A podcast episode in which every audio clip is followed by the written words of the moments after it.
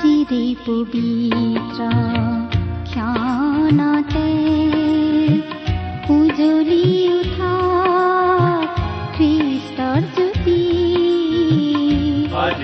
প্ৰভু যীশু খ্ৰীষ্টৰ নামেৰে ভক্তিবচন অনুষ্ঠানৰ তৰফৰ পৰা আপোনালৈ অভিনন্দন জনাইছো প্ৰিয় শ্ৰোতা। আজিৰ এই অনুষ্ঠানত আপোনাক লগ পাই বৰ ভাল লাগিছে। আশা কৰোঁ আপুনি ভালে কুশলে আছে। ভক্তিবচন অনুষ্ঠানত প্ৰচাৰ হোৱা ঈশ্বৰৰ বাক্যসমূহে আপোনাক কেনেদৰে সহায় কৰিছে জানিবলৈ আমাৰ বৰ মন যায়। কেতিয়াবা দুষাৰিমান আমালৈ লিখি পঠিয়াবচোন। আমাৰ ঠিকনাতে অনুষ্ঠানটিৰ শেষত কোৱা হ'ব। আপুনি কলম আৰু কাগজ সাজু কৰি থব। ঈশ্বৰৰ যি দয়া কৰোণা আমি পাইছো তাকেই এই অনুষ্ঠানৰ যোগেৰে জনাবলৈ পাই আমি অতি আনন্দিত। আপোনাৰ পৰাও জানিবলৈ পালে আমি বৰ বেছি উৎসাহিত হওঁ কিয়নো ঈশ্বৰে আমাক সকলোৰে যত্ন লয়। আপোনাৰো যত্ন লৈ আছে।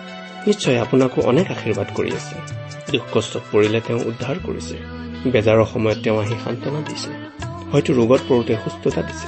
তেওঁ সদায় আপোনাৰ বিভিন্ন পৰিস্থিতিত যত্ন লৈ আছে। তেওঁ আচৰিত মৰমীয়াল ঈশ্বৰ তেওঁৰ মৰমবোৰ আশীৰ্বাদবোৰ স্বীকাৰ কৰিলে সোঁৱৰণ কৰিলে সেইবোৰ দুগুণে বাঢ়ে।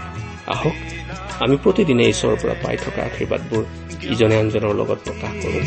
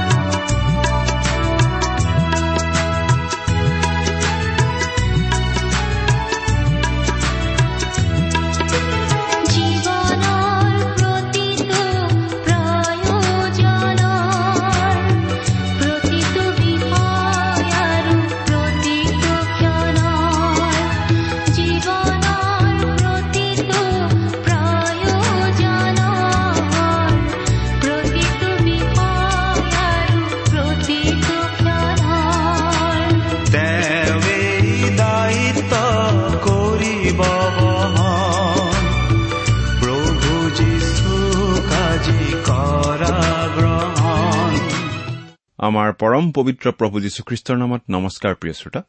আশা কৰো মহান পিতা পৰমেশ্বৰৰ মহান অনুগ্ৰহত আপুনি ভালে কুশলে আছে। লগতে এই বুলিও আশা কৰিছো যে আপুনি আমাৰ এই ভক্তিবচন অনুষ্ঠানটো নিয়মিতভাৱে শুনি আছে। প্ৰিয় শ্ৰোতা এই অনুষ্ঠান শুনি আপুনি কেনে পাইছে আমালৈ চিঠি লিখি জনাবচোন। আপোনালোকৰ পৰা চিঠি পত্ৰ পাবলৈ আমি আগ্ৰহেৰে বাট চাওঁ। আহকচোন আজিৰ বাইবেল অধ্যয়ন আৰম্ভ কৰাৰ আগতে খন্তেক প্ৰাৰ্থনাত মূৰ দুৱাওঁ। স্বৰ্গত থকা অসীম দয়ালু পিতৃ ঈশ্বৰ তোমাৰ মহান নামৰ ধন্যবাদ কৰো। তুমি মহান তুমি কৰুণাময় তুমি অনুগ্ৰহৰ আকৰ। তোমাৰ অনুগ্ৰহতেই আজি আমি প্ৰভু যীশুত বিশ্বাস কৰি পৰিত্ৰাণ পাব পৰা হৈছো তোমাক পিতৃ বুলি মাতিব পৰা হৈছো। তুমি আমালৈ যিমান অনুগ্ৰহ দেখুৱাইছা তাৰ বাবে তোমাক ধন্যবাদ দি আমি শেষ কৰিব নোৱাৰো। এতিয়া প্ৰাৰ্থনা কৰিছো তোমাৰ মহান বাক্য বাইবেল শাস্ত্ৰৰ যোগেৰে তুমি আমাক কথা কোৱা। তোমাৰ মাত আমাক শুনিবলৈ দিয়া। কিয়নো এই প্ৰাৰ্থনা আমাৰ মহান ত্ৰাণকৰ্তা প্ৰভু যীশুখ্ৰীষ্টৰ নামত আগবঢ়াইছো। আমেন।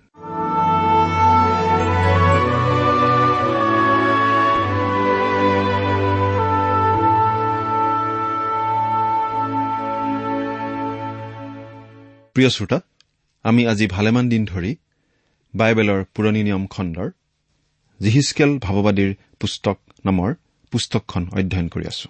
নহয়নে বাৰু? আপুনি বাৰু আমাৰ আগৰ অনুষ্ঠানটো শুনিছিল নে যোৱা অনুষ্ঠানত আমি এই জিহিচকেল ভাৱবাদীৰ পুস্তকখনৰ ওঠৰ নম্বৰ অধ্যায়ৰ বত্ৰিশ নম্বৰ পদলৈকে আমাৰ আলোচনা আগবঢ়াইছিলো। গতিকে আজিৰ অনুষ্ঠানত আমি ঊনৈশ নম্বৰ অধ্যায়ৰ এক নম্বৰ পদৰ পৰা আমাৰ আলোচনা আৰম্ভ কৰিব খুজিছো। আপুনি আপোনাৰ বাইবেলখন মেলি লৈছেনে বাৰু? এই ঊনৈশ নম্বৰ অধ্যায়টোত আমি ঈশ্বৰৰ বিলাপ দেখা পাওঁ। এক নম্বৰ পদৰ পৰা ন নম্বৰ পদলৈকে আমি পাওঁ ঈশ্বৰৰ বিলাপ ইছৰাইলৰ অধিপতিসকলক লৈ। আৰু দহ নম্বৰ পদৰ পৰা চৈধ্য নম্বৰ পদত আমি পাওঁ ঈশ্বৰৰ বিলাপ জিহুদাক লৈ। কিছুমান বাইবেল শিক্ষক আৰু বাইবেলৰ ছাত্ৰ ছাত্ৰীসকলে কথাখিনি জিহিচকেলৰ বিলাপ বুলি কয়। কিন্তু এয়া ঈশ্বৰৰহে ভাৱবাণী। জিহিচকেলে কোৱা ভাৱবাণী যদি ঈশ্বৰ জিহুৱাৰ কথা হয় তেন্তে জিহিচকেলে প্ৰকাশ কৰা বিলাপো ঈশ্বৰৰে বিলাপ হ'ব লাগিব নহয়নে বাৰু?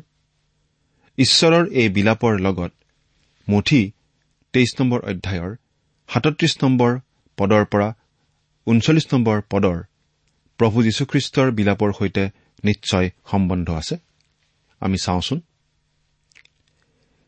হে ভাৱবাদীসকলক বধ কৰোতা আৰু তোমালৈ পঠোৱাবিলাকক শিল দলিয়াই মাৰোতা জিৰচালেম জিৰচালেম। কুকুৰাই যেনেকৈ নিজৰ পোৱালীবোৰক ডেউকাৰ তলত চপাই লয় তেনেকৈ মইও তোমাৰ সন্তানবিলাকক কিমানবাৰ চপাবলৈ ইচ্ছা কৰিলো কিন্তু তুমি সন্মত নহলা। চোৱা তোমাৰ ঘৰ নিৰ্জন হবলৈ তোমালৈ ত্যক্ত হৈ গৈছে। কিয়নো মই তোমাক কওঁ প্ৰভুৰ নামেৰে যিজনা আহিছে তেওঁ ধন্য। এই কথা তুমি নোকোৱা মানে এতিয়াৰ পৰা মোক দেখিবলৈ নাপাবা। মুঠি তেইছ অধ্যায়ৰ সাতত্ৰিশ নম্বৰ পদৰ পৰা ঊনচল্লিছ নম্বৰ পদ। প্ৰভু যীশুখ্ৰীষ্টৰ বিলাপৰ সৈতে এই জিহিচকেল ভাৱবাদীৰ পুস্তকত আমি যি বিলাপ পাওঁ তাৰ নিশ্চয় মিল আছে। অধিপতিসকলৰ বাবে কোনে চিন্তা কৰিছিল বাৰু? তেওঁলোকৰ কাৰণে কোনে চকুলো টুকিছিল? স্বয়ং ঈশ্বৰ জিহুৱাই চকুলো টুকিছিল। মোৰ আৰু আপোনাৰ বাবেও কোনে চিন্তা কৰে আৰু চকুলো টুকে বাৰু? ঈশ্বৰ জিহুৱাই চকুলো টুকে। প্ৰভু যীশুৱে চকুলো টুকে। আমি মঠিয়া লিখা শুভবাৰ্তা তেইছ নম্বৰ অধ্যায়ৰ এই যি পদকেইটা ইতিমধ্যে পাঠ কৰিলো তাত আমি প্ৰভু যীশুৱে জিৰচালেমৰ কাৰণে তাৰ লোকবিলাকৰ কাৰণে ক্ৰদন কৰা দেখিবলৈ পালো। আমি লাজাৰৰ মৃত্যুত প্ৰভু যীশুৱে চকুলো টুকা দেখিছিলো।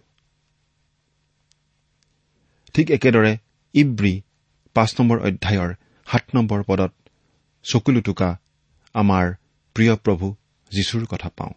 তেওঁৱেই আমাৰ বাবে চকুলো টুকে আমাৰ বাবে চিন্তা কৰে।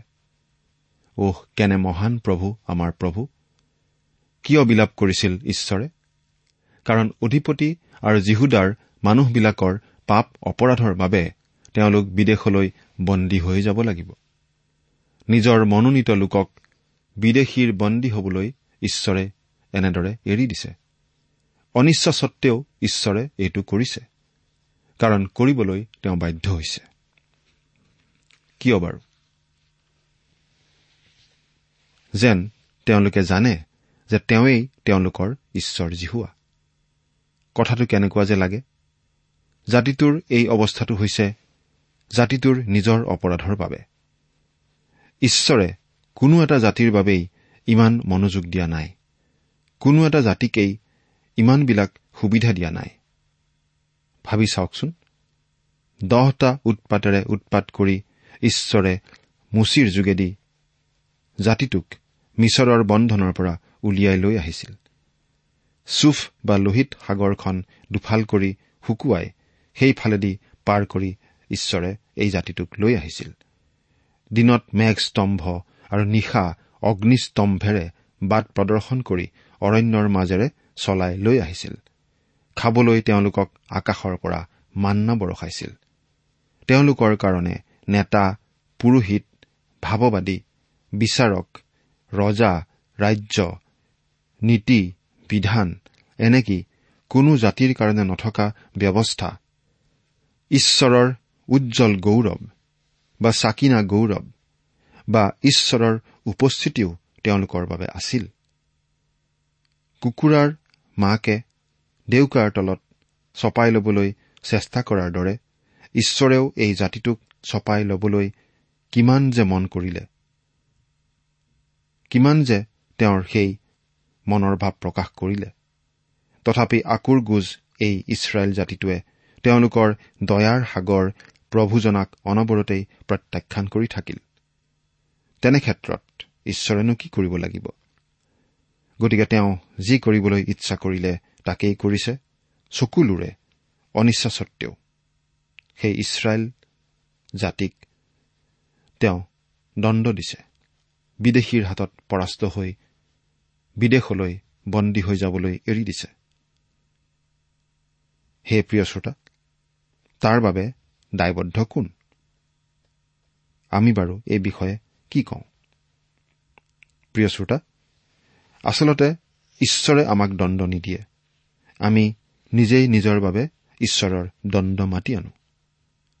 ঈশ্বৰে আমাৰ আগত মুক্তিৰ উপায়ো ৰাখিছে আৰু দণ্ডৰ পথো ৰাখিছে। আমি যিটো বাছি লওঁ সেইটোৱেই আমাৰ ওপৰলৈ আহে। প্ৰিয় শ্ৰোতা ঈশ্বৰে জিৰচালেমখন ধ্বংস হবলৈ দিছিল। আৰু সেই বিষয়ে জিহিচকেল ভাৱবাদীৰ যোগেদি আগতীয়াকৈ জনাই দিছিল। সেইবোৰ কথাকেই আমি এতিয়া পাই আছো। জিৰচালেমৰ সেই পতনৰ কথা এতিয়াও শেষ হোৱা নাই। এই জিহিচকেল ভাওবাদীৰ পুস্তকখনৰ বিশ নম্বৰ অধ্যায়ৰ পৰা চৌব্বিছ নম্বৰ অধ্যায়লৈ সেয়েহে আকৌ জিৰচালেমৰ পতনৰ শেষ ভৱিষ্যৎবাণীটো দিয়া হৈছে। এই অধ্যায়কেইটাত বিশেষভাৱে দুটা বিষয় মন কৰিবলগীয়া আছে। প্ৰথমটো হৈছে আপুনি নিশ্চয় মন কৰি আহিছে যে ঈশ্বৰে তেওঁৰ নিজৰ লোকৰ মংগলৰ বাবে কিমান দীৰ্ঘদিন ধৰি ধৈৰ্য সহকাৰে তেওঁৰ বাণী দি আহিছে। নবুখনেশ্বৰ ৰজাই জিৰচালেম নগৰখন প্ৰথম অৱৰোধ কৰাৰ দিনৰ পৰাই ঈশ্বৰে তেওঁৰ লোকসকলক বচাবলৈ ইচ্ছা কৰিছিল। আগৰবাৰত তেওঁ অচুৰীয়াসকলক আঁতৰোৱাৰ নিচিনাকৈয়ে এই বাবিলনীয়াসকলকো আঁতৰাব পাৰিলেহেঁতেন আৰু আঁতৰালেহেঁতেন। আৰু নগৰখন ধ্বংস কৰিবলৈ তেওঁ নিদিলেহেঁতেন। কিন্তু তেওঁৰ মানুহবিলাক তেওঁলৈ উভতি নাহিল। তেওঁৰ মানুহবিলাকে তেওঁক নিবিচাৰিলে আৰু সেয়ে সুধবিচাৰ তেওঁলোকৰ ওপৰলৈ আহিল।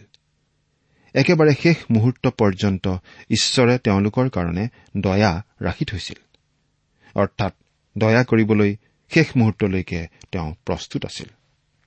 দ্বিতীয় কথাটো হৈছে নবুখনেশ্বৰ ৰজাই প্ৰথম জিৰচালেম আক্ৰমণ কৰাৰ দিনাই জিহিচকেলৰ ভাৰ্যাৰ মৃত্যু হৈছিল। কিন্তু নিজ ভাৰ্যাৰ মৃত্যুৰ কাৰণে কন্দাকতা নকৰিবলৈ ঈশ্বৰে জিহিচকেলক কৈছিল। জিৰিমীয়া ভাৱবাদীৰ সম্পূৰ্ণ বিপৰীত প্ৰকৃতি আৰু মানসিকতাৰ মানুহ আছিল এই জিহিচকেল ভাৱবাদী জিৰিমিয়াৰ নাৰীসুলভ অন্তৰ এখন আছিল। তেওঁ অনবৰতেই চকুলো টুকিছিল। তেওঁ নিজে দিয়া ঈশ্বৰৰ বাণীখিনিৰ বাবে নিজেই চকুলো টুকিছিল প্ৰভু যীশুখ্ৰীষ্টইও চকুলো টুকিছিল তেওঁক জিৰিমিয়াৰ সৈতে সেয়েহে তুলনা কৰা হৈছিল। জিহিচকেল এনে প্ৰকৃতি আৰু এনে মানসিকতাৰ মানুহ আছিল নিশ্চয় যিজনে দুখৰ সময়ত মনত দুখ লৈও অভিনয় কৰিব পাৰিছিল। জিৰিমিয়াই নিজে দিয়া কঠোৰ বাণীখিনি ঘোষণা কৰিয়েই আৱেগিক হৈ চকুলো টুকিছিল উচুপি উচুপি কান্দিছিল। কিন্তু জিহিচকেলে ভাৱবাণীৰ অৰ্থখিনি বুজাবলৈ গৈ সেইখিনিক কেন্দ্ৰ কৰি অভিনয় প্ৰদৰ্শন কৰি দেখুৱাওঁতেও সেইখিনিয়ে তেওঁৰ অন্তৰ কঁপাব পৰা নাছিল। তেওঁৰ গোটেই পৰিচৰ্যাৰ কালচোৱাত তেওঁ এটা পৰিণত নাৰিকলৰ নিচিনাই আছিল নিশ্চয়। জিহিচকেল ঈশ্বৰৰ মুখপাত্ৰৰ দৰে কাৰ্যনিৰ্বাহ কৰা ভাৱবাদী আছিল। জিহিচকেল পুস্তকখনৰ এই বিশ নম্বৰ অধ্যায়টোত ইছৰাইলৰ দীঘলীয়া বছৰ কালৰ পাপৰ ইতিহাসৰ পুনৰ আলোচনা কৰা হৈছে ভৱিষ্যতে তেওঁলোকৰ ওপৰলৈ আহিবলগীয়া সুধবিচাৰৰ কথা কোৱা হৈছে আৰু তেওঁলোক যে আকৌ উদ্ধাৰ পাব সেই কথা কোৱা হৈছে। ইয়াত জিহিচকেল ভাৱবাদীয়ে পুনৰ সোঁৱৰাই দিছে যে তেওঁ যি কৈছে ঈশ্বৰে কবলৈ কোৱা কথাকেই কৈছে। জিহিচকেল এনে মানসিকতাৰ মানুহ আছিল যে যি কৰিবলৈ কয় তাকেই তেওঁ বৰ সময়মতে খৰতকীয়াকৈ আৰু বিশ্বস্ততাৰে কৰে। ঈশ্বৰৰ বাণী য'ত যেনেকৈ জনাবলৈ দিয়া হয় তাকেই তেওঁ তেনেকৈ জনাই দিয়ে। যি খবৰ বা বাণী লৈ যায় সি দুখৰো হ'ব পাৰে বা সুখৰো হ'ব পাৰে। কিন্তু সেইখিনি জনাই দিয়াটোহে তেওঁৰ কাম। সেই বাণীটোৱে শুনোতাজনৰহে অন্তৰ স্পৰ্শ কৰিব পাৰে হুহুৱাব পাৰে বা কন্দুৱাব পাৰে। জিহিচকেলৰ অন্তৰত সেইবোৰে কোনো ক্ৰিয়া প্ৰতিক্ৰিয়া কৰা নাছিল। বৰ ব্যতিক্ৰম মানসিকতাৰ মানুহ নহয়নে প্ৰিয় শ্ৰোতা? বোধ হয় ঈশ্বৰে তেনেকুৱা এজনকেই তেওঁ কৰা কামৰ কাৰণে বিচাৰিছিল। সেয়ে ঘৈণীয়েকৰ মৃত্যুৰ সময়তো ঈশ্বৰে তেওঁক কন্দাকতা কৰিবলৈ বাৰণ কৰিছিল। আৰু আচৰিত কথা ঘৈণীয়েকৰ মৃত্যুৰ বেলিকাও ঈশ্বৰে নাকান্দিবা বুলি কওঁতেই তেওঁ নকন্দাকৈ থাকিব পাৰিছিল। এতিয়া আমি বাইবেলৰ পৰা পাঠ কৰি দিম। বিশ নম্বৰ অধ্যায়ৰ এক নম্বৰ পদ। সপ্তম বছৰৰ পঞ্চম মাহৰ দশম দিনা ইছৰাইলৰ বৃদ্ধবিলাকৰ মাজৰ কেইজনমান পুৰুষে জিহুৱাক সুধিবলৈ আহি মোৰ আগত বহিল। মানুহবিলাক এতিয়া আগতকৈ অধিক অধিককৈ জিহিচকেলৰ কাষ চাপিছিল। এতিয়া তেওঁৰ পৰা কথা শুনিছিল কাণ থিয় কৰিবলৈ আৰম্ভণ কৰিছিল। তেতিয়া জিহুৱাৰ বাক্য মোৰ ওচৰলৈ আহিল। বোলে তেওঁ তেওঁৰ নিজৰ কথা কোৱা নাই ঈশ্বৰৰ কথাহে কৈছে। বিশ নম্বৰ অধ্যায়ৰ তিনি আৰু চাৰি নম্বৰ পদ। হে মনুষ্য সন্তান তুমি ইছৰাইলৰ বৃদ্ধ কেইজনে সৈতে কথা হৈ তেওঁবিলাকক কোৱা প্ৰভুজী হোৱাই এই কথা কৈছে তোমালোকে মোক সুধিবলৈ আহিছানে? প্ৰভুজী হোৱাই কৈছে মোৰ জীৱনৰ শপত মই তোমালোকক মুখ সুধিবলৈ নিদিওঁ। হে মনুষ্য সন্তান তুমি তেওঁবিলাকৰ ওপৰত গোচৰ নচলোৱানে? তুমি গোচৰ নচলোৱানে? তেওঁবিলাকৰ পূৰ্বপুৰুষবিলাকৰ ঘীনলগীয়া কাৰ্যবোৰ তেওঁবিলাকক জানিবলৈ দিয়া আৰু তেওঁবিলাকক কোৱা। মানুহবিলাকে এতিয়া ঈশ্বৰৰ বিৰুদ্ধে অভিযোগ দিবলৈ তেওঁৰ কাষ চাপি কৈছিল যে তেওঁলোকৰ ওপৰত সুধবিচাৰ কৰাটো ঈশ্বৰৰ অন্যায় হৈছে আৰু বৰ অন্যায় হৈছে জিৰচালেম ধ্বংস কৰাটো। এতিয়া মানুহবিলাকে লাহে লাহে বুজি উঠিছিল যে সুধবিচাৰ হ'ব আৰু জিৰচালেম ধ্বংস হ'ব। কি কাৰণত সুধবিচাৰ হ'ব আৰু জিৰচালেম ধ্বংস হ'ব সেইখিনি জিহিচকেলে পুনৰ দোহাৰিব। প্ৰভুজী হোৱাই এই কথা কৈছে মই যিদিনা ইছৰাইলক মনোনীত কৰিছিলো আৰু জাকুবৰ বংশৰ সন্তানবিলাকৰ পক্ষে হাত দাঙি শপত কৰিছিলো আৰু মই তোমালোকৰ ঈশ্বৰজী হোৱা বুলি কৈ তেওঁবিলাকৰ পক্ষে মোৰ হাত দাঙি মিছৰ দেশত তেওঁবিলাকক চিনাকি দিছিলো ঈশ্বৰে এতিয়া ইছৰাইলৰ ইতিহাসৰ একেবাৰে আৰম্ভণি সময়ৰে পৰা আৰম্ভ কৰিছে। সেইখিনি সময়ৰ পৰা যেতিয়া তেওঁ তেওঁবিলাকক মিছৰৰ বন্ধনৰ পৰা মোকোলাই লৈ আহিছিল মিছৰত গোলামী খটা জীৱনৰ পৰা মুক্তি দিছিল আৰু অৰণ্যলৈকে চলাই লৈ আহিছিল। এতিয়া একেবাৰে তেৰ নম্বৰ পদটো পঢ়ি দিছো। কিন্তু ইছৰাইল বংশই অৰণ্যত মোৰ অহিতে বিদ্ৰোহ কৰিলে।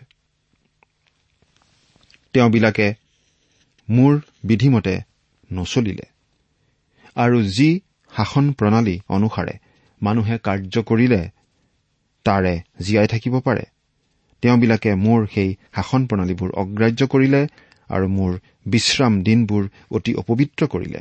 তাতে মই তেওঁবিলাকক বিনষ্ট কৰিবৰ অৰ্থে অৰণ্যত তেওঁবিলাকৰ ওপৰত মোৰ কোপ বৰষাবলৈ মন কৰিছিলো। যিটো পুৰুষৰ ইছৰাইলীয়সকল অৰণ্যলৈ গৈছিল তেওঁলোকে ঈশ্বৰৰ বিৰুদ্ধে বিদ্ৰোহ কৰিছিল আৰু সেয়ে ঈশ্বৰে তেওঁলোকক অৰণ্যতেই মৰিবলৈ এৰি দিছিল। মৰিবলৈ দিছিল মানে? মৰি জহি শেষ হবলৈ দিছিল আৰু সঁচাকৈ শেষ হৈছিল। সেই গোটেই প্ৰজন্মটো অৰণ্যতেই মৰিছিল। কেৱল জিহুচুৱা আৰু কালেব নামৰ দুজন ব্যক্তিহে ৰৈ গৈছিল। এতিয়া আমি একৈশ আৰু বাইশ নম্বৰ পদ দুটা পঢ়ি দিছো। কিন্তু সেই সন্তানবিলাকে মোৰ অহিতে বিদ্ৰোহ কৰিলে। তেওঁবিলাকে মোৰ বিধিমতে নচলিলে। বা যি শাসন প্ৰণালী অনুসাৰে মানুহে কাৰ্য কৰিলে তাৰে জীয়াই থাকিব পাৰে মোৰ সেই শাসন প্ৰণালীবোৰ তেওঁবিলাকে পালন নকৰিলে আৰু সেই অনুসাৰে কাৰ্য নকৰিলে। তেওঁবিলাকে মোৰ বিশ্ৰাম দিনবোৰ অপবিত্ৰ কৰিলে। তাতে মই অৰণ্যত তেওঁবিলাকৰ অহিতে মোৰ ক্ৰোধ সিদ্ধ কৰিবলৈ তেওঁবিলাকৰ ওপৰত মোৰ কোপ বৰষাবলৈ মন কৰিছিলো। তথাপি যি জাতিবিলাকৰ সাক্ষাতে মই তেওঁবিলাকক উলিয়াই আনিছিলো সেই জাতিবিলাকৰ সাক্ষাতে মোৰ নাম অপবিত্ৰ কৰা নহবৰ নিমিত্তে মই মোৰ হাত কোঁচাই মোৰ নামৰ উদ্দেশ্যে কাৰ্য কৰিলো। তাৰ পাছৰ প্ৰজন্মৰ মানুহখিনিও বিদ্ৰোহী হৈয়ে উঠিছিল। পঁচিছ আৰু ছাব্বিছ নম্বৰ পদ দুটা পঢ়োচোন। ইয়াত বাজেও যি বিধি ভাল নহয় আৰু যি শাসন প্ৰণালীৰ দ্বাৰাই তেওঁবিলাকে জীয়াই থাকিব নোৱাৰিব এনে বিধি আৰু শাসন প্ৰণালী মই তেওঁবিলাকক দিলো। মই যে জিহুৱা ইয়াক যেন তেওঁবিলাকে জানিব এই নিমিত্তে মই তেওঁবিলাকক উচ্ছন্ন কৰিবলৈ প্ৰথমে জন্মা আটাইকে তেওঁবিলাকে জুইৰ মাজেদি গমন কৰোৱাৰ দ্বাৰাই তেওঁবিলাকক তেওঁবিলাকৰ উপহাৰেৰে অসুচী কৰিলো। এই পদ দুটা বৰ দুৰ্বোধ্য পদ। বাইবেল ব্যাখ্যাকাৰকসকলৰো কেইবাদলে কেইবা প্ৰকাৰৰ ব্যাখ্যা দাঙি ধৰে। এগৰাকী বাইবেল শিক্ষকে কৈছে যে ইয়াৰ মানে হৈছে যে ঈশ্বৰে এই মানুহখিনিক তেওঁৰ বচন দিলে তেওঁলোকৰ মংগলৰ কাৰণে কিন্তু যেতিয়া তেওঁলোকে তেওঁৰ বচন অগ্ৰাহ্য কৰিলে তেতিয়া ঈশ্বৰে তেওঁলোকে বিচৰাৰ দৰেই দিলে তেওঁলোকৰ ভালৰ কাৰণে নহয় কিন্তু অমংগলৰ কাৰণে।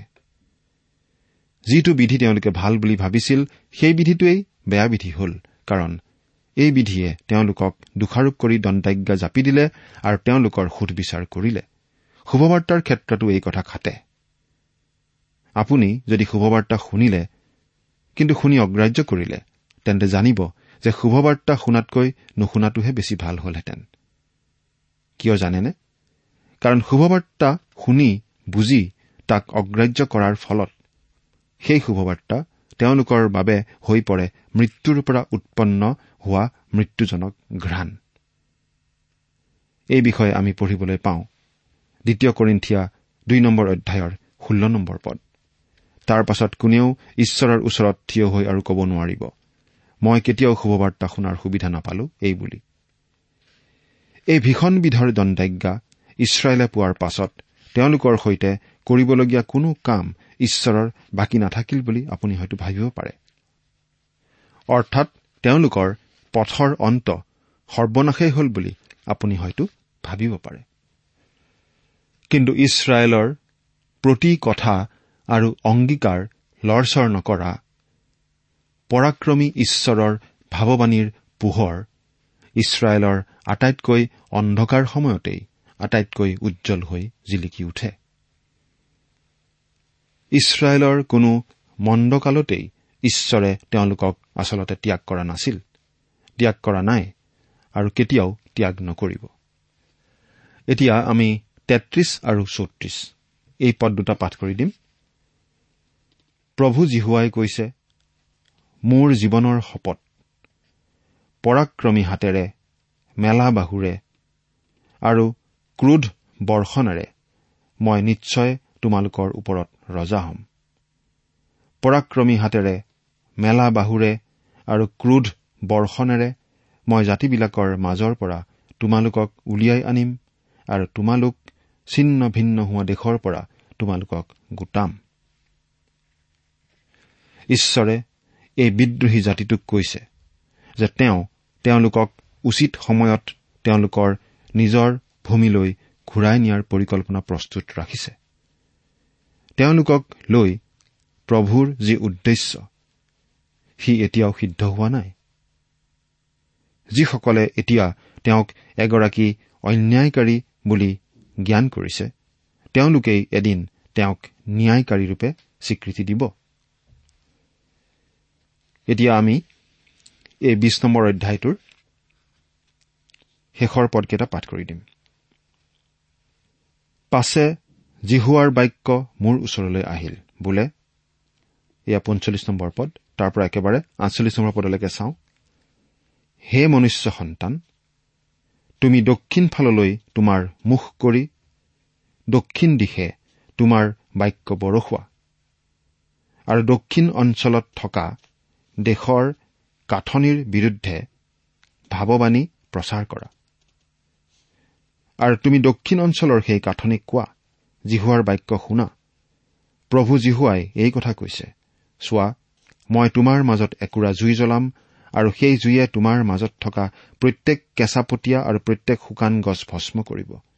সেই প্ৰজ্বলিত অগ্নি নুমোৱা নহব আৰু দক্ষিণৰ পৰা উত্তৰলৈকে সকলোৰে মুখ তাৰে পোৰা যাব।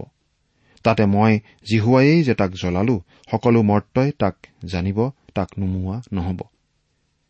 তেতিয়া মই কলো হাই হাই প্ৰভু জিহুৱা লোকে মোৰ বিষয়ে কয় এইজনে নিগৃঢ় বাক্যৰে কথা নকয়নে?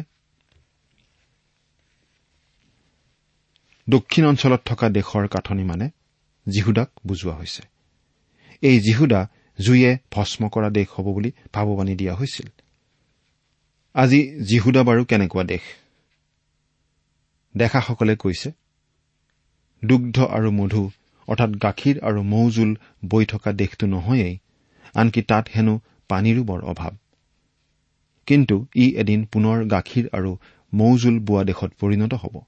কাৰণ ইছৰাইল আৰু ইছৰাইলৰ ভূমিৰ সৈতে ঈশ্বৰৰ এতিয়াও কাম শেষ হোৱা নাই। প্ৰিয় শ্ৰোতা ঈশ্বৰে তেওঁৰ আঁচনিমতেই কাম কৰি গৈ আছে আৰু সেই কথা আমি মনত ৰাখি তেওঁৰ হাততেই আমাৰ নিজৰ জীৱন সমৰ্পণ কৰা উচিত। ঈশ্বৰ আপোনাৰ সহায় হওক। আমেন।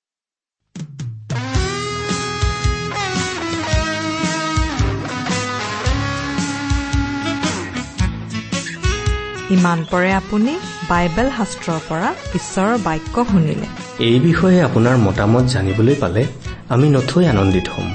আমি প্ৰস্তুত কৰা বাইবেল অধ্যয়নৰ চিডিসমূহ পাব বিচাৰিলে আৰু অনুষ্ঠানত প্ৰচাৰ কৰা কোনো কথা বুজিব লগা থাকিলেও আমালৈ লিখক।